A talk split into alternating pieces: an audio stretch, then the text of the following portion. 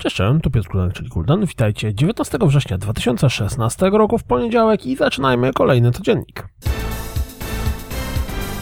Z fabularnego zwiastuna Call of Duty Infinite Warfare dowiedzieliśmy się, że w grze wystąpi Jasiek, który nic nie wie, czyli Kit Harington. Tej jesieni pojawi się pierwsze rozszerzenie do Stellaris pod tytułem Leviathans.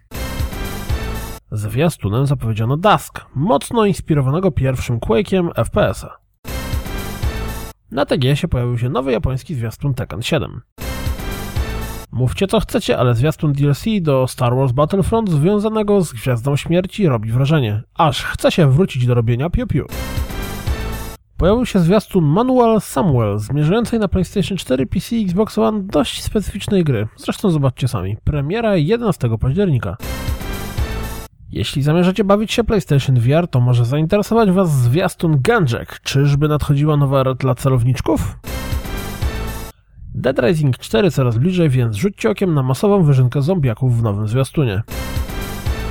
Zmierzający w zremasterowanej wersji Final Fantasy XII The Zodiac Age pokazał się w nowym zwiastunie.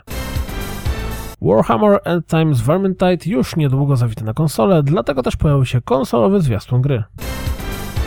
Mountain Blade Warband razem z konsolową premierą dostał premierowy zwiastun gry. Pojawił się drugi tutorialowy zwiastun The Tomorrow Children. Jeśli się jeszcze nie zorientowaliście, to dostępne jest demko Just Dance 2017. Jak widać ze Steamowej strony gry, Birthday The Beginning zmierza nie tylko na PlayStation 4, ale również na PC. Dodatkowo pojawił się angielski zwiastun gry. Party Hard dostał darmowe rozszerzenie Dark Castle. Jeśli jesteście zainteresowani Rise of the Tomb Raider na PlayStation 4, to rzućcie okiem na ten fragment rozgrywki z tak zwanego nowego kontentu. W ramach PlayStation Underground pojawił się spory fragment rozgrywki z Death's Gambit. Warto odpalić sobie ten materiał nawet w tle, bo poza rozgrywką całkiem ciekawie posłuchać tego, co mają do powiedzenia twórcy gry. Pojawił się całkiem spoko montaż nadchodzących na PlayStation 4 gier. Zabawne dla mnie jest tylko to, że za wyjątkiem Horizon Zero Dawn, który będzie miał premierę dopiero w lutym, to reszta pokazanych gier to multiplatformy. Możemy zobaczyć 15 minut rozgrywki z Metal Gear Survive i mimo, że na razie wygląda to mocno absurdalnie i dość topornie, to jeszcze nie skreślam tego tytułu. MGS5 miał rewelacyjny gameplay, a jak widać tytuł prawie całą mechanikę próbuje sobie pożyczyć właśnie z niego. Jeśli byliście fanami Hot Shot Golf, to rzućcie okiem na japoński fragment rozgrywki z najnowszej części gry. Co do fragmentu rozgrywki z TGS-a, to pojawił się również takowy z Gravity Rush 2.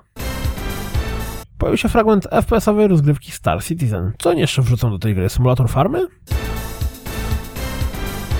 To wszystko na dziś, jak zawsze. Dziękuję za słuchanie, jak zawsze zapraszam na www.rozgrywkapodcast.pl Jeśli doceniacie moją pracę, rzućcie coś dla mnie na Patronite i mam nadzieję, słyszymy się jutro. Trzymajcie się, cześć!